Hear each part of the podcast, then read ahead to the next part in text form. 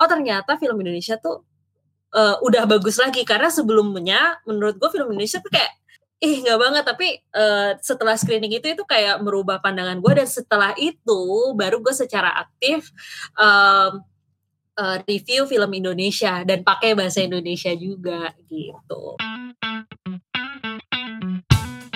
Secangkir Podcast.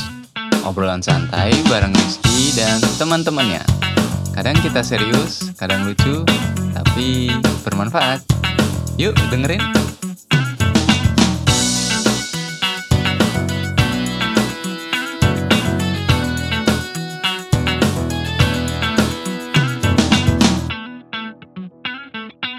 Cek, cek, cek, cek, cek. Halo, selamat pagi, selamat malam, selamat siang, selamat sore, pokoknya selamat apa aja buat pendengar setia secangkir podcast atau yang biasa kita sapa dengan Sekpot. Selamat datang kembali di secangkir podcast. Ini kemarin kita udah sempat libur, kayaknya udah dua minggu deh, udah dua minggu lah kita nggak produksi konten secangkir podcast. Nah hari ini kita udah masuk ke episode ke-23 gitu. Nah, uh, sebelum itu gue mengucapkan uh, minal aidin wal faizin, mohon maaf lahir dan batin buat pendengar Sekpot. Uh, pokoknya di mana pun kalian berada, semoga setelah Ramadan kemarin, udah lebaran juga, kita semuanya bisa mulai dari nol lah gitu. Nah, di episode 23 ini, ini seru nih. Uh, gue mulai masuk ke topik-topik yang kayaknya ini bisa dibilang lumayan berat nih. Jadi uh, topik yang akan kita bahas hari ini itu adalah sudut pandang seorang movie review, uh, reviewer gitu. Nah, ini gue bareng Mbak Mira Kiriu, bakal ngobrol-ngobrol bareng lah dengan Mbak Mira gitu. Nah, Mbak Mira udah ada di bareng gue di Sesangkir Podcast sekarang. Hai. Belum masuk kayaknya. Halo. Hai. Mbak Mira apa kabar? Baik, kabar baik. Rizky apa kabar? baik juga gitu. Thank you banget udah datang di secangkir podcast Mbak gitu. Lagi ya lagi sibuk-sibuk new normal kayak gini tapi masih sempet uh, buat hadir di secangkir podcast gitu. Iya sama-sama. nah uh, buat uh, teman-teman sekpot gitu. Uh, jadi Mbak Mira ini gue bilang lagi uh, beliau ini punya konten gitu di konten di YouTube. Jadi di YouTube itu kontennya itu ngebahas tentang uh, review film-film gitu jadi kalau mhm. kalian tertarik, mungkin ada film apa dan lain sebagainya yang lagi rilis, mungkin Mbak Mira itu ada kontennya gitu, ngebahas uh, tentang topik-topik film tersebut kan?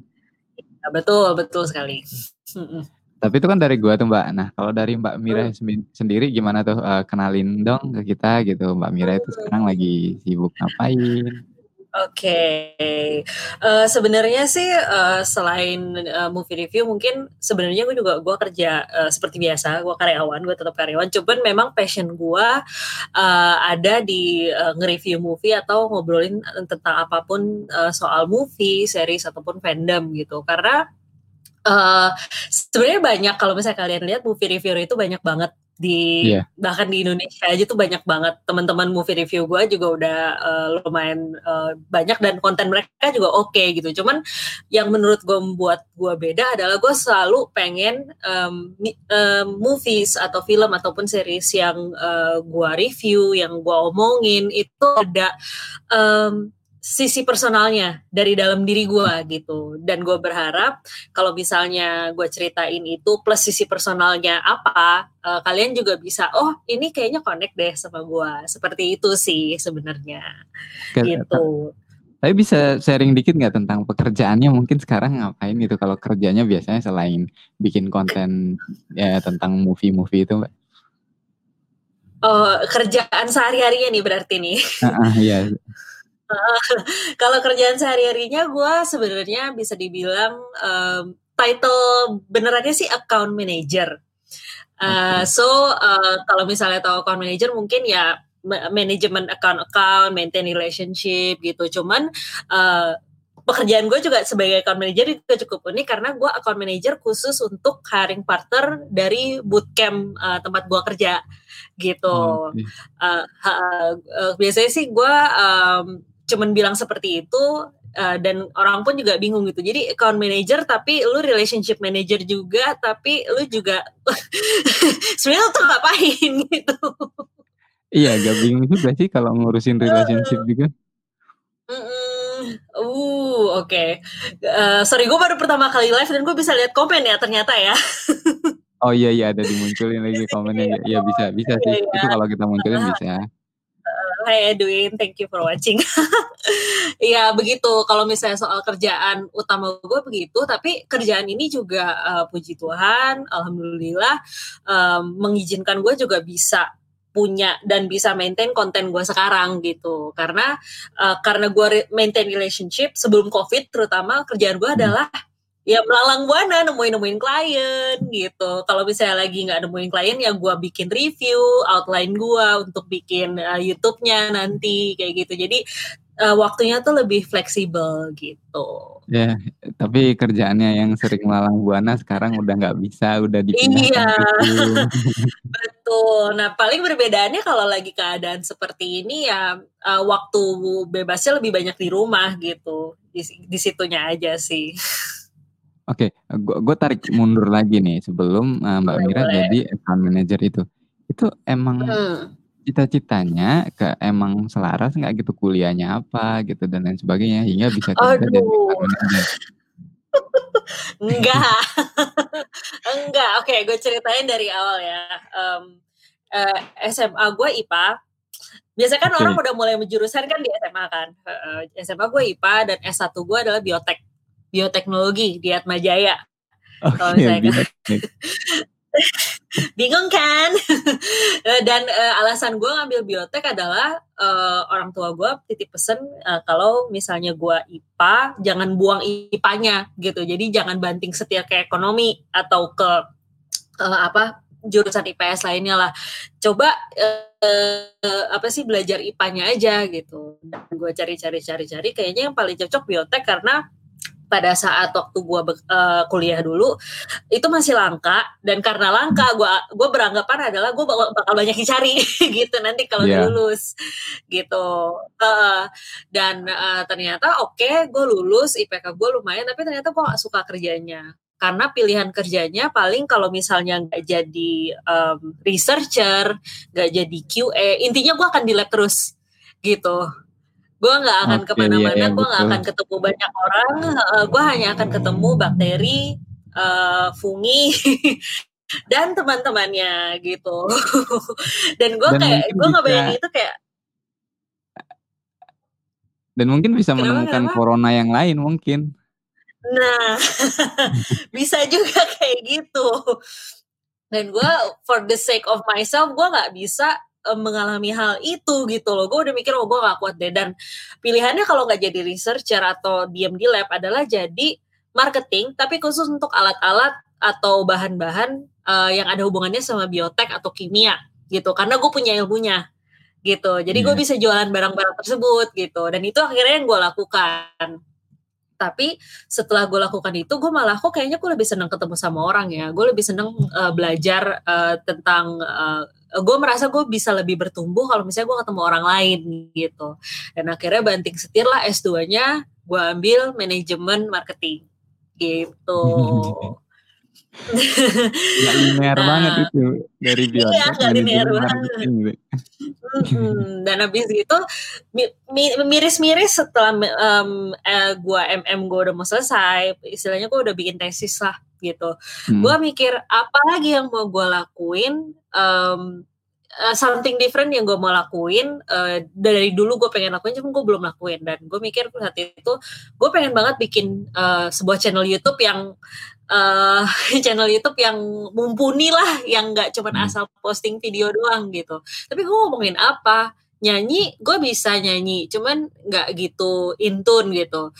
Mhm. Eee, mau bikin apa gitu, terus gue pikir, oke gue suka nonton film dan kalau kalau misalnya udah nonton film, gue kayak, "Oh ini nih kayaknya mirip banget ya sama keadaan hidup gue sekarang," gitu, atau, "Oh gue pas nonton film ini, gue jadi inget ini," gitu. Dan gue rasa kalau misalnya gue bisa, eee, ngobrol tentang hal itu, kayaknya ini bisa dijadiin konten gitu, dan akhirnya barulah Iya. lahir heeh, video YouTube YouTube channel gue yang sekarang, gitu. Nah, dulu ketika Mbak Mira bikin konten pertama itu gimana? Biasanya pertama tuh agak aneh gitu gimana gitu. Gue juga pas bikin podcast pertama ketika gue dengerin lagi ini apa gue ngomong nggak jelas gitu. Nah video pertama dulu gimana? Video pertama gue itu gue inget uh, editor gue yang uh, editor pertama gue uh, bahkan dia nggak ngedit video gue yang pertama sih cuman dia kayak ngingetin gue gue salah ngomong gue bahkan agak-agak lupa gue kira pertama itu uh, gue bikin uh, video Star Wars sebenarnya Star Trek gitu. Udah saking lamanya itu kalau nggak salah 4 sampai 5 tahun yang lalu gitu. Jadi uh, gue bikin video Star Trek dan gue inget uh, itu nggak ada nggak uh, ada uh, posternya, nggak ada videonya, cuplikannya sama sekali. Jadi cuman gue ngomong gini aja dan uh, apa outline-nya gue taruh di samping gue. Jadi ada saat gimana gue begini gitu. Ngerti gak sih? Jadi iya, iya. pas cutting videonya tuh gue begini, terus balik lagi, gitu, terus gue begini lagi, balik lagi gitu.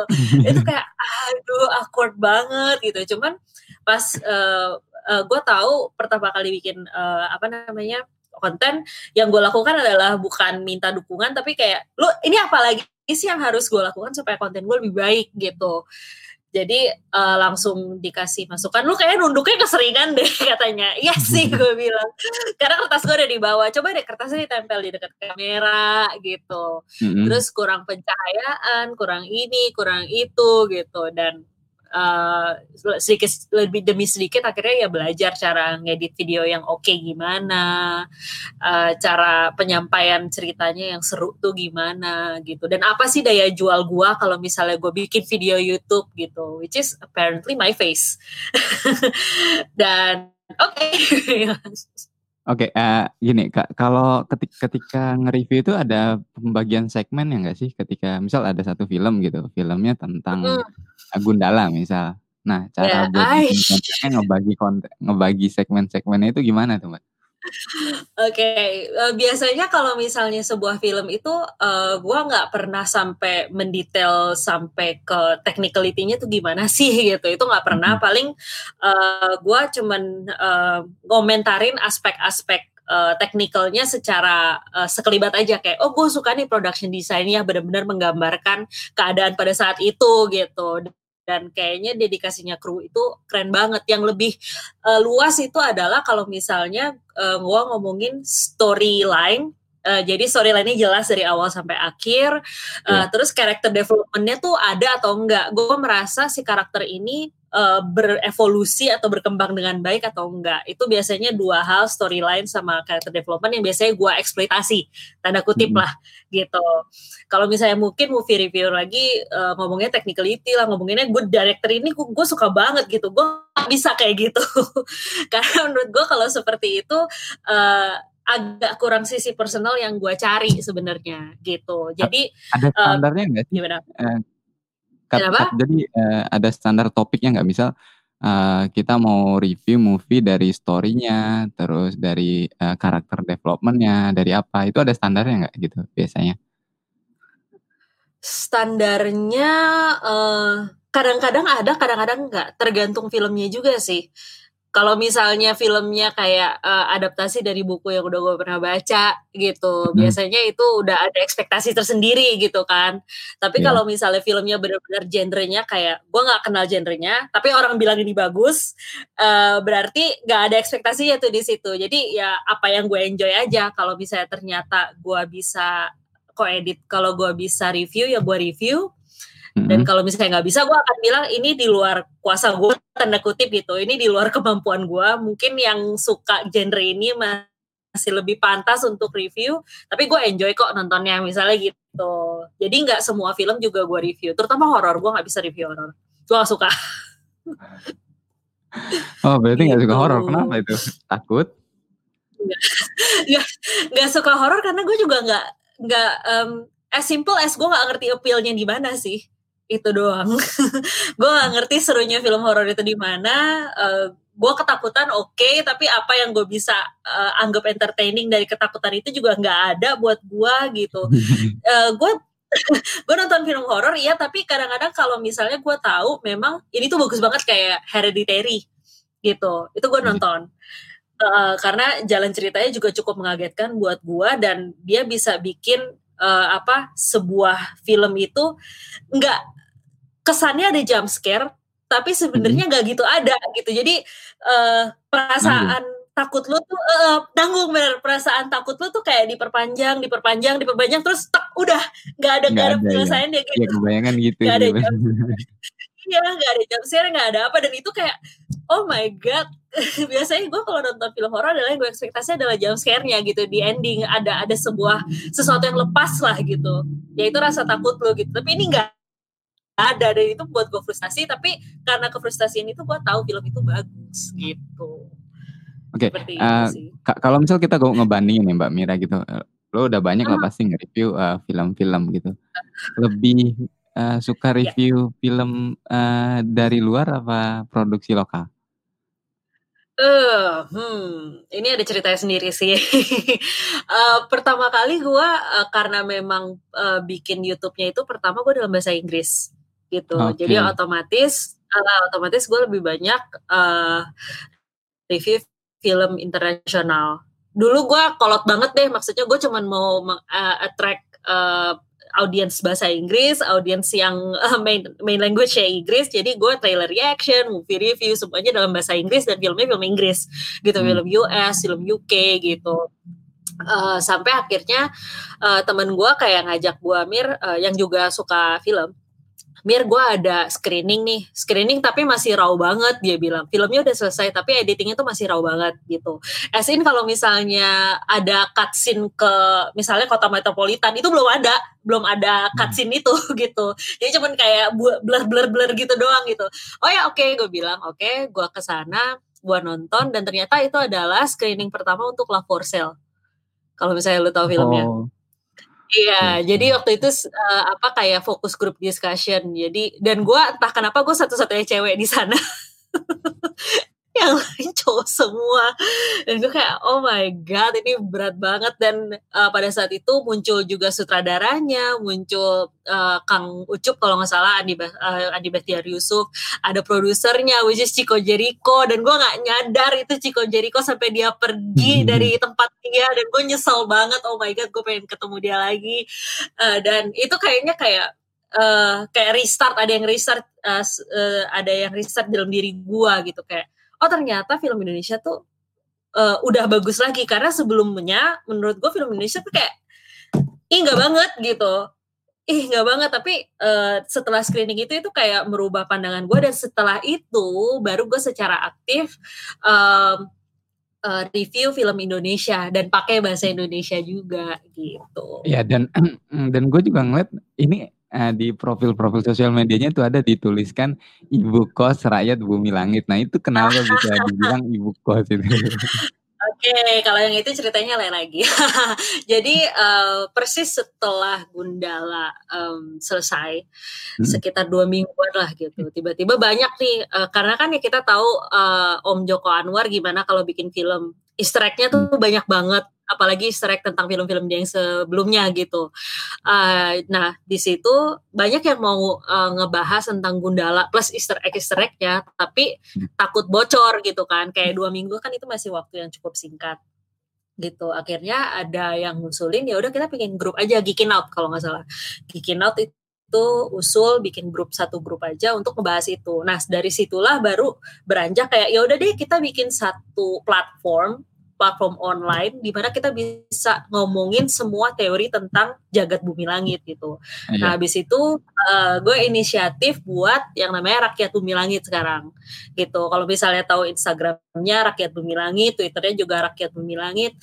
Uh, itu gue yang inisiatif buat dan setelah itu uh, kita uh, secara aktif juga ngobrol sama pihak bumi langitnya. Gue sebelum covid kalau ke sana udah kayak rumah sendiri.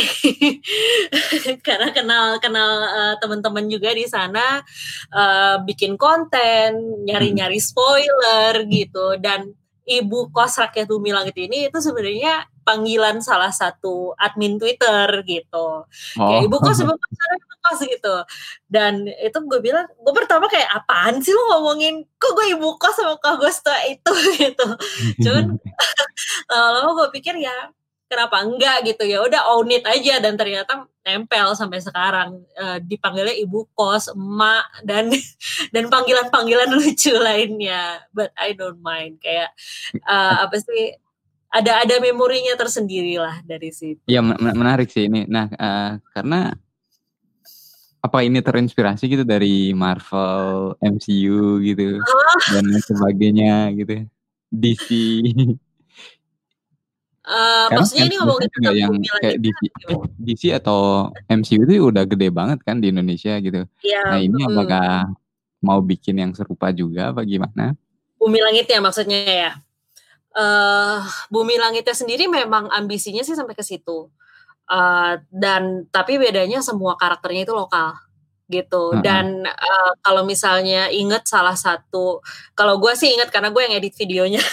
Jadi waktu itu si Om Joko Anwar uh, kayak na, apa jawab sebuah pertanyaan di Festival Toronto karena kan waktu itu Gundala ditayangin kan di sana. -huh. uh, dia jawab pertanyaan bahwa nanti uh, uh, si Bumi Langit ini uh, pahlawan-pahlawannya tuh akan diinfluence uh, sama apa gitu. Apakah kayak Marvel dan DC kayak pertanyaan lu gitu. Dan uh, gue gue lupa siapa yang jawab. Pokoknya jawabnya begini. Uh, kalau misalnya Bumi Langit bisa dipastikan bahwa tidak ada di, tidak ada tidak akan ada influence um, futuristik gitu. Kayak robot atau mesin atau sihir uh, bukan bukan sihir uh, atau alien bahkan tapi yeah. uh, influence-nya adalah uh, budaya kita, budaya Indonesia yang magis, yang uh, banyak sejarahnya gitu. Jadi bisa diekspektasikan jagat bumi langit, nggak hanya jagat sinema ya, jagat komiknya juga itu hmm. uh, influence-nya akan seperti itu, banyak sihirnya, banyak budaya yang akan dibahas, nggak hanya sekedar membuat sebuah cerita yang asik, tapi di situ juga kita bisa belajar tentang budaya Indonesia tuh uh, seperti sebenarnya gimana gitu. Dan apa itu jadi alasan Mbak Mira buat ah ini self motiva motivasi nih buat gua nih, gue mau dukung Bumi Langit biar lebih Oh iya pasti, pasti, okay. pasti, pasti. Gue melihat Bumi Langit itu ini personal, personal uh, apa uh, pendapat personal gue gitu ya. Uh, gue melihat Bumi Langit itu punya potensi yang besar banget gitu, apalagi uh, di niche yang mereka udah sebut dari awal gitu. Uh, sebuah universe tapi universe uh, pahlawan yang gak ada di tempat lain bahkan DC mohon maaf ya DC dan Marvel aja juga gak punya keunikan ini gitu yeah. Uh, dan apa ambisi si Bumi Langit itu sampai ke luar negeri, which is kenapa juga sekarang Gundala udah mulai tayang di Amerika. Guys, kalau misalnya kalian nonton di Amerika, jangan lupa simak Gundala ya. gitu. Gundala juga udah mulai tayang di Amerika dan ini baru film pertama. Ini pasti akan berlanjut ke film-film berikutnya gitu gue nggak bisa kasih tahu ada berapa film karena gue sendiri juga nggak tahu iya iya gitu gitu tapi kalau dari karakter sendiri lebih suka mana sih jadi kan banyak tuh gue lihat di komik-komiknya juga juga ada beberapa gitu karakter di Bumi Langit ini. Lebih suka yang mana? Gundalanya? Oh my god, karakter Bumi Langit itu banyak banget, ada seribu yeah. lebih. Uh, tapi yang udah dikenalin mungkin udah 10-20 lah ya. Kayak Aquanus juga udah ada, Virgo. Karakter paling masih paling favorit sih Sri Asih sih. Uh, dan Godam, Sri Asi dan Godam. Uh, anggaplah ini cowok ceweknya lah gitu. Godam uh, karena ya yang meranin Kak Ciko. Kak Ciko jadi kalau misalnya nonton jangan jangan takut ya sama saya. Gila. Karena yang main Kak Ciko Jericho. Dan uh, I think uh, he really uh, he is really good person for the part. Karena dia gue tahu dia juga rajin komen-komen uh, di posting kita posting Rakyat Langit dan juga uh, baca uh, komik Godam Hitam Putihnya. Itu satu. Dan karakter Godam juga menarik karena itu dua kepribadian di satu tubuh gitu. Beda dengan Sajem ya. Kalau Sajem yeah. kan satu kepribadian tapi tua dan uh, muda gitu. Mm-hmm. Kalau ini benar-benar dua kepribadian, ada Godam sendiri, ada si Awang sendiri. Dan dua kepribadian itu uh, apa? punya satu tubuh dan bisa ngobrol satu sama lain gitu. Wow. Uh, itu yang Godam. Kalau misalnya Sri Asih, Sri Asih sendiri itu adalah karakter pahlawan pertama yang dibuat di Indonesia kalau nggak salah dan dia uh, juga karakter cewek pertama dan kekuatannya itu godlike gitu. Dia bisa jadi besar banget bisa bermultiplikasi dan uh, presensi Sri Asih itu diturunkan dari setiap wanita yang istilahnya kayak punya kekuatan untuk memanggil dia gitu. Gitu okay. sih uh, seru okay. kan kita jangan bahas lebih panjang soal bumi langitnya nah, ini, iya. uh, tadi sempat ngomong juga gitu kan uh, karena hmm. ada Kak Ciko di situ apakah ah. ketika bikin konten di uh, di Mira Crew itu di konten YouTube-nya itu yep ada hmm. kecenderungan nggak? Uh, misal, oh ini yang bikin film ini Ciko gitu, reviewnya harus bagus gitu. Ada oh, kecenderungan oh, kayak gitu nggak? Gak ada, gak ada. Bukan ke Ciko Jerikonya sih. Hai lagi ke Ciko, jangan takut sama saya. Bukan karena Ciko Jerikonya, tapi gua tahu gua bias sama film-film V-Cinema secara keseluruhan whether itu ada campur tangan Kachiko which is most likely biasanya dia ada atau enggak gitu. Gue suka semua film Visinema karena itu uh, film Indonesia yang buat gue lain daripada yang lain termasuk Love for Sale juga kan gitu. Yeah. Iya. Uh, gitu Terus kalau kalau ini uh, biasanya itu ada kontribusi gitu nggak sih ke platform-platform lokal atau platform-platform yang di luar seperti Rotten Tomatoes gitu. Jadi sempat ikut oh. review juga dan lain sebagainya gitu. Iya iya, gue ngerti. Uh, Rotten Tomatoes enggak, tapi gue kadang-kadang review di Letterboxd di Oke. Okay. Uh, ya, tapi di situ doang. Kalau yang lain itu gue lebih suka lihat sebagai referensi sih. Ini oke okay atau enggak sih gitu. Tapi kalau misalnya berkontribusi beneran itu di letterbox di itu dan itu baru sedikit. Karena balik lagi gue lebih suka ngobrol kayak gini. Gue lebih suka menunjukkan muka gue karena uh, as far as I know, people likes to see my reaction gitu. Reaksi-reaksi absurd gue akan film-film. Jadi gue lebih suka review di YouTube. Ya soalnya di uh, apa thumbnail-thumbnail YouTube-nya itu ada reaksi-reaksi yang ya seru-seru yeah. banget kayaknya gitu kan. Dibikin kontennya gitu. Nah, uh, kalau kalau Mbak Mira sendiri ngelihat nih yang Rotten Tomatoes itu kadang kalau gue lihat ya, kalau film-film dari Marvel keluar nilainya selalu bagus gitu kan, kadang dapat Thomas. Tapi kalau di situ kenapa selalu jelek gitu? Wah itu itu gue nggak tahu ya bisa dibuat uh, konspirasi mungkin. Tapi gue pernah dengar hal seperti itu dan personally gue nggak gitu. I don't really care much karena yang seperti gue pernah bilang dan selalu bilang film itu adalah personal experience. Penilaian itu bisa jadikan sebuah acuan tapi nggak bisa di dimasukin dalam hati gitu. Uh, jadi penilaian apa pun yang gue dapat dari Rotten Tomatoes kah, dari IMDb kah, dan dari uh, yang lain-lain lainnya, gue juga saranin ke kalian kalau misalnya memang tertarik dalam satu film, jangan terpengaruh sama penilaian-penilaian tersebut gitu. Mm -hmm. So just watch what you want gitu. It's your right. Uh, lu berhak untuk menonton apa pun yang lu pengen tonton gitu. Jadi uh, gak, gue nggak ngerti kenapa itu terjadi dan jujur gue juga nggak mau ngerti sih. I don't I don't really care that much gitu. Pesan gue untuk teman-teman yang menikmati film, nikmatin apa yang lo pengen nikmatin aja. Gak usah peduli yeah, apa yang lo uh. Tapi pernah review konten-konten kayak anim gitu gak sih? Belum, itu belum. Gue gue masih ki, tanda kutip kiblat gue itu masih western atau Indo sekalian. Gue gue lagi coba masuk ke Korea, film ya, film Korea ya, karena Parasite waktu itu dan uh, review hmm. Parasite gue cukup tinggi dan gue nggak nggak nyangka bahwa uh, apa sih film Korea yang gue review padahal itu baru pertama kali itu bisa oke. Okay. Jadi hmm. gue coba nonton film-film Korea dan um, gue belum sempat nonton film-film yang lain cuman gue tahu film Thailand juga cukup bagus. Yeah. komedinya gue gak akan nonton horornya maaf. Meskipun gue tahu horor Thailand juga bagus. Dan uh, pengen sih uh, yang anim juga cuman belum sempat aja. Karena banyak banget konten yang gue pengen bikin dan gue pengen serap gitu. Dan anim belum sempat tapi apakah gue pernah nonton anim pernah Oke, tapi rencana rencana dalam satu bulan ke depan ini bikin konten seperti apa? uh, rencana satu bulan ke depan pasti gue mau bikin episode pilot uh, pilot episode untuk podcast gue. Ba uh, belum belum bikin btw, uh, gue lagi masih pikirin uh, podcast gue mau seperti apa, vibe-nya, apakah hanya ngebacot doang atau ada ada bobot lain gitu. Jadi konsentrasi gue itu satu sama kedua untuk uh, bikin uh, konten yang lebih variatif untuk YouTube gue karena selama ini biasanya cuma dua movie review sama trailer reaction.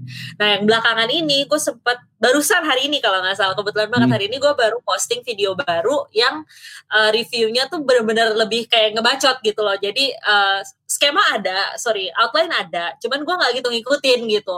Jadi kayak, yeah. eh gue tau banget genre ini, gue pengen ngobrol banyak tentang genre ini, jadi apa pun yang gue reaksiin itu kayak lepas aja gitu dan uh, quick review jadinya beberapa film gue jadiin satu dan gue langsung review itu semua gitu jadi konten yang lebih bertema dibandingkan cuman hanya ngomongin satu film.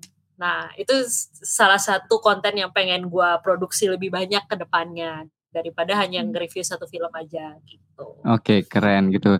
Nah, ngomong soal bacot gimana uh, Mbak Mira menghadapi netizen yang masuk ke konten YouTube-nya gitu kan, oh, kan ada yang ngomong aneh gitu kan.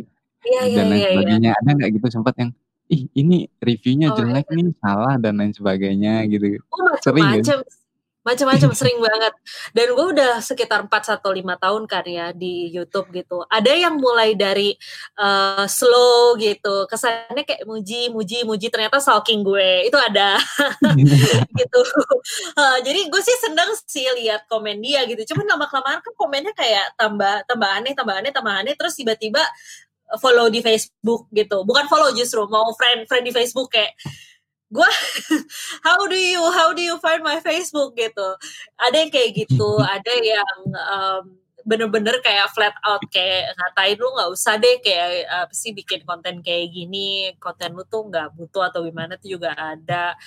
Ada yang ngatain gue sebagai uh, uh, admin rakyat Bumi Langit juga ada dan awalnya pasti ada beberapa yang mungkin terlalu menohok buat gue kadang-kadang gue pikirin sih. Dan kadang-kadang itu gue bawa ke hati. Cuman in my experience kalau misalnya keseringan kayak gitu juga capek ya.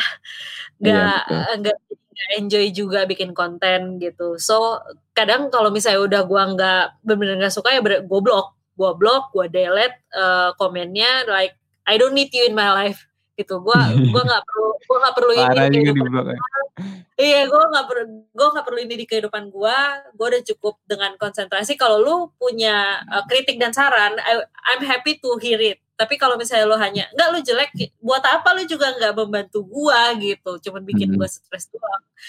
Jadi ngapain gue dengerin? Gitu. Tapi apakah cara untuk fight hal-hal tersebut dengan blog saja atau biasanya ada tips khusus gitu dari Mbak Mira uh, ngelakuinnya gitu. Karena kebanyakan yang sekarang itu ya banyak lah gitu yang baru uh, jadi influencer gitu. Kadang-kadang kalau digituin juga tuh cepet down, ujung-ujungnya kena kayak panic disorder dan lain sebagainya. Ujung-ujungnya kan ke hal-hal lain kan gitu. Jadi mungkin pendengar pengen dengerin tipsnya dari Mbak Mira gitu. Oke. Okay kalau gue sih balik lagi ke konten yang lu bikin tuh tujuannya apa gitu. Biasanya hmm. kalau misalnya konten lu didasari dengan niat baik, ya lain gue lebay banget. Cuman ini personal iya. experience yeah. ya. Maksudnya konten yang lu bikin adalah didasari dengan niat baik dan lu memang bikin konten ini karena lu seneng. Uh, itu juga akan berbuah uh, kebaikan dan lu kalau misalnya dikatain orang hanya karena niat baik lu, lu biasanya kayak mikir lagi cuman ini tuh bukan audiens gue gitu loh. Yang ngatain lu tuh bukan audiens lu dan uh, uh, kenyataan bahwa dia membuang waktu untuk ngatain lu berarti lu sebenarnya penting gitu. Lu sebenarnya punya impact yang bagus tapi dia nggak suka. Dan dia uh, sebenarnya yang rugi yang ngatain lu gitu. Ngapain dia iya. buang-buang waktu hanya untuk ngatain lu berkali-kali bahkan? It's like Betul. kayak lu nggak punya hidup lain apa yang bisa lu kerjain di selain nyari-nyari kesalahan orang lain gitu Nah itu, jadi buat gue kalau misalnya gue dikatain selain gue blok kalau misalnya udah terlalu parah, ya gue cuma menganggap oke okay, itu adalah sebuah tanda kutip pujian yang terselubung gitu. Dia membuang waktu lu, dia membuang waktu dia untuk lu loh, meskipun itu negatif gitu. Berarti lu penting sebenarnya di mata dia. Cuman yeah. ya reaksinya negatif aja gitu. Malah kalau banyak orang bilang kalau lu belum punya musuh kayaknya lu belum benar-benar berhasil gitu. Gitu. Kalau gue iya, sih suka punya hater gitu, aduh. Iya, gue lebih suka mikirnya begitu daripada lu cuman stres. Aduh, gue kurang apa lagi, kurang apa lagi ya. Enggak, lu nggak kurang apa-apa sebenarnya. Lu udah melakukan hal yang benar. Dia aja yang kurang kerjaan. gitu sih. Oke. Okay. uh, obrolan mak makin lama makin seru obrolannya tentang Iya pengalamannya iya. tadi Mbak Mira gitu. Mhm. Tapi sekarang Mhm. gue mau uh, nanya-nanya lagi mungkin lebih personal gitu kan. Tapi personal Boleh. bukan yang lebih dalam gitu gitu. Jadi yang santai-santai Boleh aja boleh. gitu. Silakan silakan. Nah, uh, kalau Mbak Mira sekarang tuh lagi penasaran sama hal apa sih sekarang? Penasaran? Penasaran sama hal apa? Mhm. Hmm. Uh, Disney Plus kapan keluar di Indonesia? Disney Plus, HBO Max kapan keluar di Indonesia? I need me uh, apa Snyder Cut please. Mbak Itu Netflix sih. aja di-blok loh gitu. Netflix aja Iya. sama Telkom di-blok. Makanya cuman gue butuh itu. Jadi uh, kalau misalnya buat gue sih lebih ke yang debat yang hangat yang buat gue yang suka gue diskusiin adalah legalitas film sih di streaming services dan segala macam itu menurut gue debat yang menarik uh, karena di satu sisi uh, streaming film itu memang uh, menjadi uh, sebuah masukan tersendiri apalagi dengan keadaan sekarang ini ya uh, untuk uh, apa untuk uh, dunia film di Indonesia ataupun di dunia gitu. Cuman di Indonesia sendiri ya itu Netflix aja di blok gitu sama Telkomsel. Uh, tapi buat gua film-film yang berkualitas juga ada di sana gitu. Uh, apakah kalau begitu nggak bisa justifikasi kita uh, kita mendapatkan film-film tersebut dari situs ilegal gitu dan Mhm. makanya kalau gue pengennya cuman ya Disney Plus, HBO Max, Netflix tolong di unblock lah gitu aja. Itu yang membuat gue selalu berpikiran belakangan ini. Kita lihat itu kan masalah bisnis lah itu kan, ya. Iya, kita tunggu aja lah semoga. Ya iya sih pengen nonton kayak Star Wars di situ. Bukan Star Wars, apa. Mandalorian juga, iya kan? Iya bener Mandalorian di situ betul. Heeh. Gue belum nonton btw, karena gue nungguin Bener. Disney Plus masuk. Ya daripada kita harus pakai VPN gitu kan. Aduh. Gitu. Nah, uh, Gitu kalau sih. lagi waktu senggang-senggang sekarang kebetulan lagi. Covid nih gitu. Lagi. Covid, selain kerjaannya, selain ngurusin konten YouTube-nya. Nah, kalau senggang tuh biasanya ngapain sekarang, Mbak? Baca buku sih. Baca buku juga untuk konten biasanya. Cuman uh, gue biasanya baca buku. Uh, terakhir gue baca buku fiksi. Cuman yang gue pelajarin pada saat uh, COVID ini itu adalah uh, sebuah konsep namanya mind time.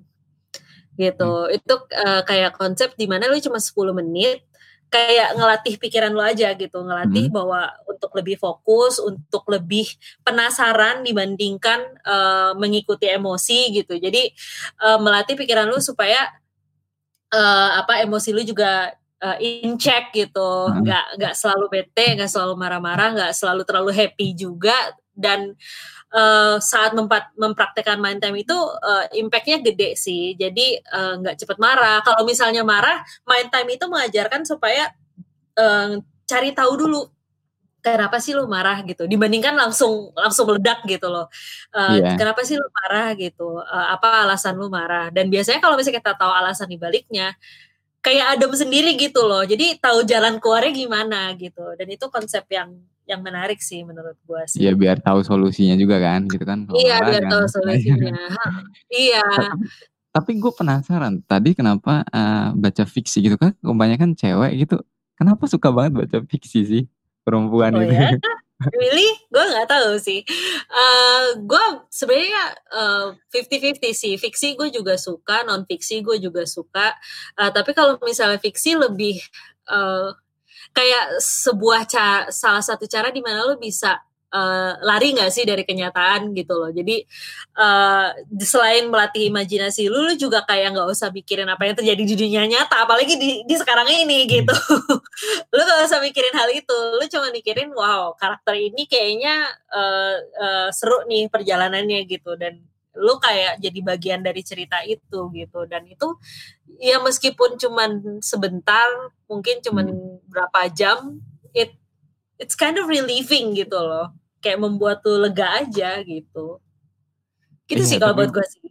Ya tapi menurut gue aneh kenapa kebanyakan cewek ketika gue tanya lu lu lebih suka buku apa? Gitu. Fiksi gitu. Jawabnya ujungnya fiksi fiksi, fiksi dan fiksi.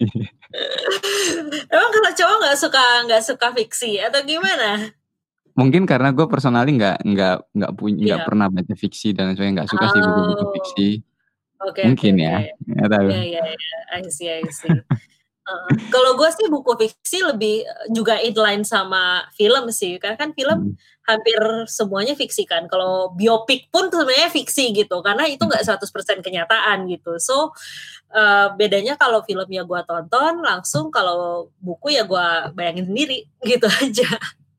Iya, oke ngerti ngerti. Mhm. Oke, te te terus selama bikin yang tadi, yang konten-konten tadi, eee, bikin Mhm. Mbak Mira udah bikin konten YouTube, terus Mhm. tadi juga belajar dari eh, sebenarnya anak IPA gitu, tapi Oh pindahnya my ke apa, god, bi mhm. biotek, terus manajemen. Sebenarnya gue juga gitu sih, Mbak, gue dulu jurusannya sama gitu kan, Iya. apa, ya bisa dibilang IPA lagi, IPA tapi Heeh heeh. kenapa gue kuliahnya pajak gitu kan. Oke, Gitu. baik. Gitu. Kacau sih, gitu. Mhm. Nah, eee, kalau dari Mbak Mira sendiri apa sih yang, eee, lu pelajari dari diri lu sendiri gitu ketika ngelakuin hal-hal kayak tadi gitu? Kok gue bisa nggak linear gitu sama, eee, jurusan gua dan lain sebagainya, terus kenapa gue bisa sampai jadi seorang movie reviewer gitu? Mmm, lebih ke, eee, di setiap step, eee, gua itu, eee, di setiap step gua, mmm, apa sih namanya, belajar, eee, di belajar akademi, ada Mhm. juga, eee, bagian di mana gue belajar non akademinya gitu. Jadi, eee, gua yang dulu, yang biotek dan SMA, itu bukan gue yang sekarang gitu. Eee, gue yang dulu nggak bisa ngomong di depan umum, gue yang dulu nggak bisa bikin review, gue yang dulu paling males justru kalau misalnya ketemu orang gitu. Eee, tapi tapi, eee eee, apa sih, seiring berjalannya waktu gue juga belajar gitu, mmm, apa yang s eee, yang bisa gue toleransi, apa yang gua sebenarnya nggak bisa toleransi. Jadi, eee, perjalanan itu jadi kayak mengenal diri sendiri juga gitu. Dan and for me it it took me about personally ya, sampai umur 27 gue istilahnya masih kayak nggak nyaman gitu loh, dengan diri gue Mhm. sendiri gitu. Dan setelah itu which is baru 2 tahun sekarang, gue baru kayak tahu, oh apa sih yang gue mau dalam dalam hidup ini gitu. Dan itu melalui perjalanan yang panjang banget gitu. Jadi gue mulai, eee, berani untuk public speaking itu di S2, karena gue udah join, eee, join kayak semacam student committee-nya, apa sih student committee, OSIS ya kalau dulu ya. Heeh, OSIS, BEM gitu. Itu gue baru mencoba gabung dan, eee, puji Tuhan dipercaya untuk, eee, mimpin 2 2 periode Mhm. gitu. Dan setelah itu baru kayak, wah gue mau nih, eee, gue udah siap dan gue udah berani untuk, eee, cari kerja di marketing atau business development atau ya account manager gitu, di mana gue harus ketemu banyak orang, which is kalau misalnya kayak 5 tahun sebelumnya gue nggak bisa itu, gue nggak bisa melakukan itu gitu. Gue apa sih, setiap kali gue, apa, maju di depan umum aja tuh gue kayak mau nangis gitu loh. Jadi, eee, apa, banyak sih yang dipelajarin dan nggak semuanya bisa gue jelasin di sini, tapi yang pasti Iya iya, betul.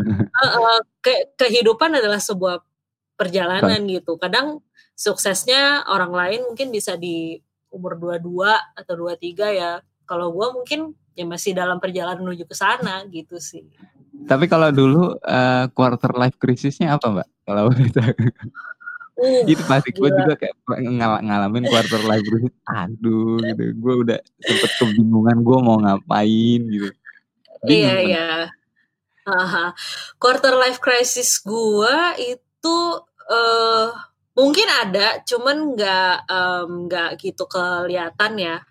Eee, mungkin, mmm, apa, gue sendiri nggak gitu nggak gitu bisa jelasin karena buat gua, balik lagi, kenapa gue bilang, eee, hidup gue baru stabil di umur 27 karena sebelum itu, mmm, banyak masalah lah istilahnya dan di Ya, umur. 27 heeh, di umur 27 gue baru ketemu yang namanya psikolog. Gitu.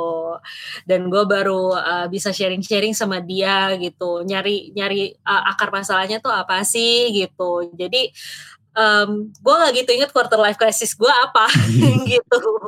Tapi, eee, kalau misalnya dibilang, eee, apa, eee, bukan falling down, apa sih, break e break even point, apa ya namanya, eee, kayak puncak-puncak puncak masalah dan puncak penyelesaian hidup gue, ya itu di umur segitu, gitu. Iya Jadi iya. mungkin mungkin di situ sih quarter life crisis-nya sih dan keadaannya adalah di mana gue udah kerja nih, gue udah kerja yang gue bilang di dunia business development di hal yang gue Hmm. suka tapi kenapa gue masih depresi? Kenapa gue masih stres?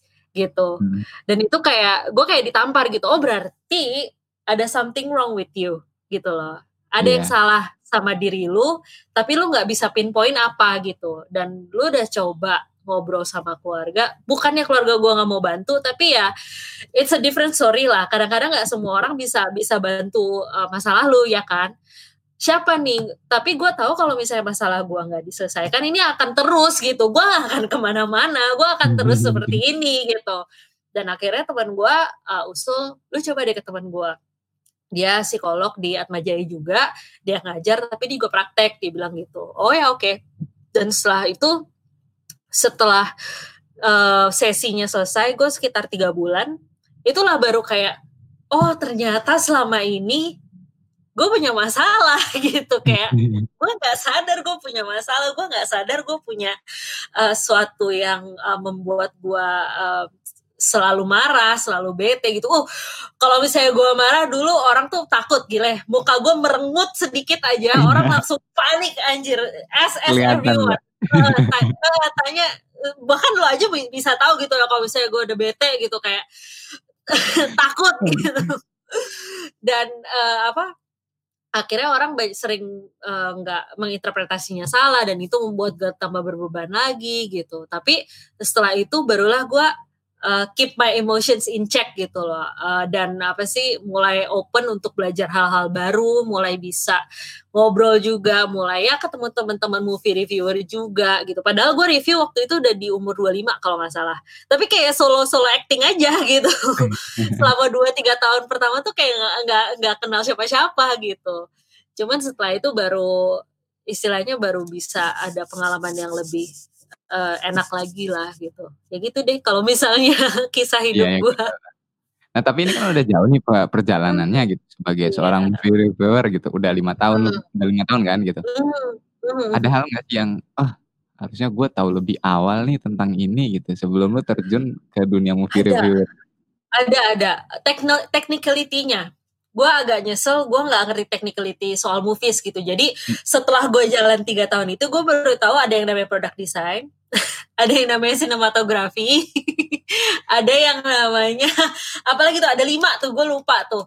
Eh, storyline juga, screenplay kayak gitu-gitu, hal-hal kecil kayak gitu tuh gue nggak tahu dari awal. Jadi eh, di awal pertama kali tuh gue kayak oh gue suka ini eh, warnanya bagus kayak standar banget gitu.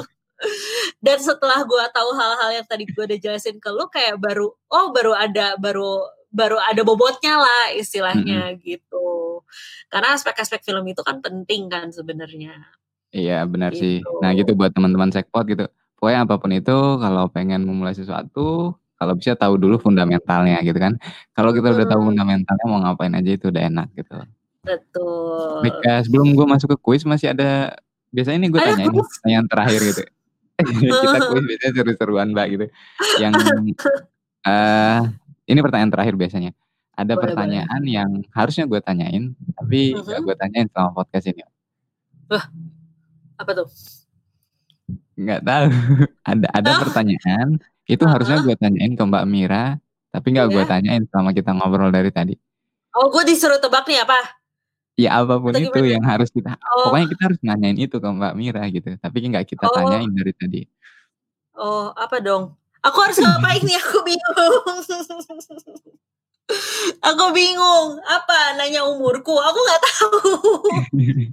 Nggak tahu pokoknya apa aja gitu. Ada nggak yang belum kita tanyain ke Mbak Mira dari tadi? Em, episode pertama udah. Rakyat bumi langit udah apa ya? Apa ya? Em, ham ham ham. Aku nggak tahu. Aku nggak tahu beneran aku nggak tahu. Apa ya? Ya apa Eh. aja. Ha, ha, ha. hobinya apa kali selain itu selain eh, apa hobinya apa selain review film dan nonton Oke, film dan hobinya apa selain review film? Eh. Kan gue dijawab. Aduh, apa ya hobi saya itu doang, gak gak gak. gak. gue suka filateli sebenarnya.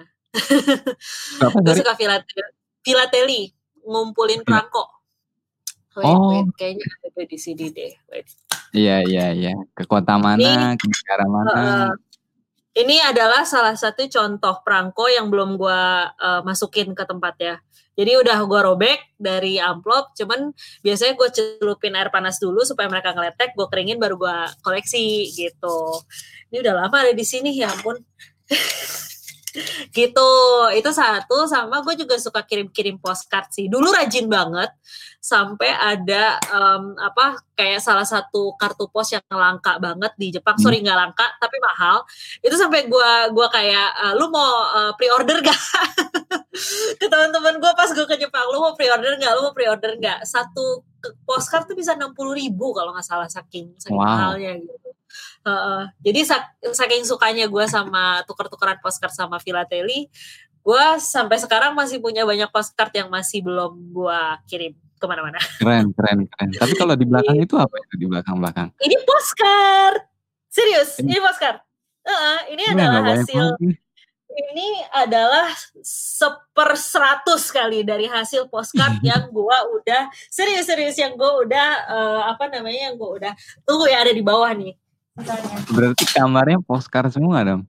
oh iya betul jadi eh, nih eh dia mau jatuh nih Wow. dan ini semuanya udah ditulis tuh belakangnya jadi ini memang apa namanya eh, memang eh, hasil dari tuker-tukeran postcard sama orang lain gitu gitu Keren keren keren hobinya. Nah, jadi kita tahu kan gitu. Itu nggak diletakkan kan gitu. gitu gitu ya kadang gue juga bingung nih mau nanyain apa terakhir kadang mbak di podcast gini ya udah gue bikin aja oh ada nggak gitu yang belum kita Iya, iya. tanyakan Iya iya betul betul. Mikir juga sih gue jadinya. tapi yang berikutnya kayaknya bakal lebih mikir lagi. Oke kita masuk ke kuisnya secangkir podcast. Biasanya kita ada tiga pertanyaan. Simpel Oke. aja jawabnya nggak perlu benar apa salah. Yang penting dijawab. Oke. kayak yang pertama. Mhm. gimana cara mbak Mira ngejelasin ke seseorang yang nggak tahu warna warna biru? Dia nggak tahu warna sama sekali. Nah gimana cara mbak Mira jelasin warna biru ke dia? Warna biru tuh eh adem sih. Adem terus eh eh, apa sih membawa perasaan nyaman ya itu warna biru as simple as that gitu kayak apa sih angin semriwing mungkin I don't know ya. kurang lebih seperti itu gitu apalagi menarik itu. Karena yang jawab itu kadang aneh-aneh gitu kan. Aneh-aneh jawabnya. Kadang bingung jelasin gimana ya Heeh. orang orang nggak tahu warna sama sekali soalnya gitu. soalnya kan biasanya ada beberapa warna yang diasosiasikan kayak dengan emosi gitu kayak Emosi, merah itu marah ya kan Eh, hitam Iya. itu sedih gitu kalau biru buat gue nyaman gitu Oke. gitu. Tapi tapi eh, kalau kita personalis sih sebenarnya pengen jawabannya itu secangkir podcast karena secangkir podcast itu oh ya baik oh bisa aja kamu gitu. Aduh. Oke, pe- pertanyaan kedua gitu. Aha. Mbak Mira sekarang lagi ke laut.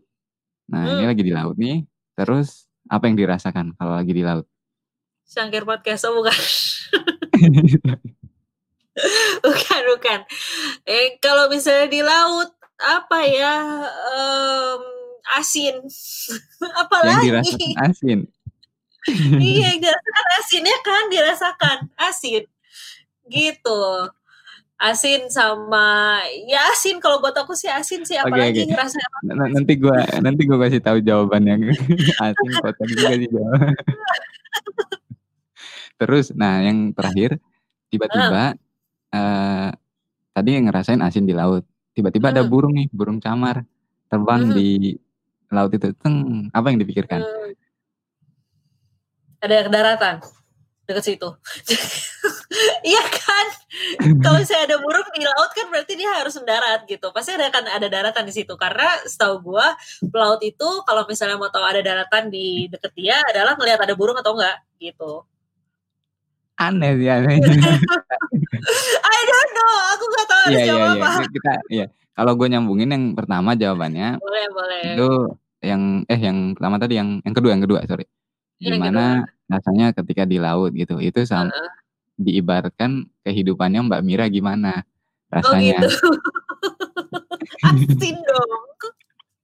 Kehidupanku asin, oh no. Terus Iya, gitu. terus? Te terus yang terakhir, itu apa yang dipikirkan itu gimana orang di sekitar Mbak Mira itu ngebantu kehidupan Mbak Mira yang asin tadi. Oh gitu. Ngaco ya darat. Nggak nyambung, cuma gua lagi nggak kepikiran jawaban lainnya apa. Ya sudahlah, tidak Aduh. apa-apa. Ya makanya jadi itu biasanya 3 pertanyaan yang biasa kita tanyakan ke narasumber kita di Secangkir I Podcast. Nah, kita udah ngobrol banyak tadi, eee, sama Iya. Mbak Mira Kiriu. Mhm. Gue juga belum nanya, entah gua bakal menghina apa enggak gitu, nggak tahu kalau namanya kenapa Kiriu gitu. Apakah itu Oh. Itu alasannya lucu sih sebenarnya. Sebenarnya nggak nggak ada arti khusus, eee, cuman gua, eee, nggak eee, gua punya nama akhir yang diawali juga dengan huruf K. Itu sangat distinktif. Jadi sangat, eee, keluarga yang punya nama itu hanya keluarga gua, gitu. Jadi Oke. kalau misalnya kalian Google nama belakang gua, itu keluar langsung semua sepupu, tante, dan om gua. Gitu. Jadi gue cuman ingin privasi sedikit nih, karena itu gua ganti nama belakang gua, gitu. Oke Gitu, beneran beneran. Iya. Gitu aja Ya nggak apa-apa, itu privasinya Mbak Mira gitu, nggak Iya, apa-apa gitu kan. Oke, nah Mbak Mira ini terakhir ada pesan nggak buat teman-teman Secangkir Podcast, teman-teman Sekpot gitu. Mungkin mereka mau tertarik eee, apa, tertarik gitu, eee, mau jadi movie reviewer dan lain sebagainya, atau jadi account Mmm, manager, relationship manager. Iya iya. Eee, saranku kalau misalnya untuk jadi account atau relationship manager, mmm, harus suka ketemu orang, harus kuat keluar-keluar, eee, dan kalau misalnya nggak suka 2 itu mendingan nggak usah jadi. Tapi kalau Mhm. misalnya kalian beneran suka, eee, pengalaman dan, eee, cerita yang kalian dapat itu bisa beragam banget. Eee, dari apa namanya, dari orang yang suka curhat, entah kita nggak nanya dia itu, tapi dia tetap cerita gitu, dan akhirnya kita malah Mhm. jadi dapat insight, malah dapat jadi contekan gitu. Eee, sampai ke yang dimarahin juga pernah, kayak kesannya kita kayak telemarketer itu juga pernah. Istilahnya, eee, sebuah pekerjaan yang ada asam manis kehidupan lah gitu Iya untuk iya. account manager. Dan kalau misalnya untuk jadi movie reviewer, eee, lu harus temuin niche lu, lu pengen review Mmm. movie kayak gimana, karena banyak banget movie reviewer di luar sana. I'm I'm not gonna lie gitu, eee, teman-teman movie review gue juga banyak banget. Eee, lu harus tahu niche lu di mana, eee, harus tahu apa yang membuat lu spesial, dan kalau misalnya udah tahu, buat aja dulu. Eee, perlengkapan terbatas bodo amat, lu pakai kamera HP juga nggak masalah, yang penting lu tahu kontennya bagus. Lu tahu konten ini adalah konten yang bener-bener lu banget, gitu. Dan, eee, justru hindari untuk ngelihat movie reviewer lain. Kenapa? Karena takutnya nanti gaya lu akan mirip sama gaya dia gitu, which is Heeh. what I do gitu, heeh. Gua, eee, memang belajar dari awal banget, eee, cara bikin movie review gimana, gua nggak nyontek siapa-siapa, gue cuman lihat beberapa referensi, paling cuman 1 atau 2 movie reviewer, sisanya gua nggak lihat, gitu. Dan Oke. kalau misalnya buat sekarang ini ya stay safe, stay healthy aja buat kalian Iya. semua ya. Betul, pokoknya stay healthy buat teman-teman Sekpot dan semoga obrolan kita dengan Mbak Mira hari ini bermanfaat buat Yes. kalian. Dan kalau ada salah kata pokoknya ya kita minta maaf, Ya, kita cuma maaf ya. gitu. Mbak Mira juga thank you banget udah mampir di Secangkir Sama-sama. Podcast. Ini episode Sama-sama. 23, udah jauh banget kita ternyata. Yeay. Oke, thank you Mbak Mira. Bye. Bye. Terima kasih sudah mendengarkan Secangkir Podcast. Jangan lupa favorit kita di Anchor.fm dan berikan review di Apple Podcast. Dan follow kita di Spotify juga. Sampai jumpa di episode berikutnya. Bye.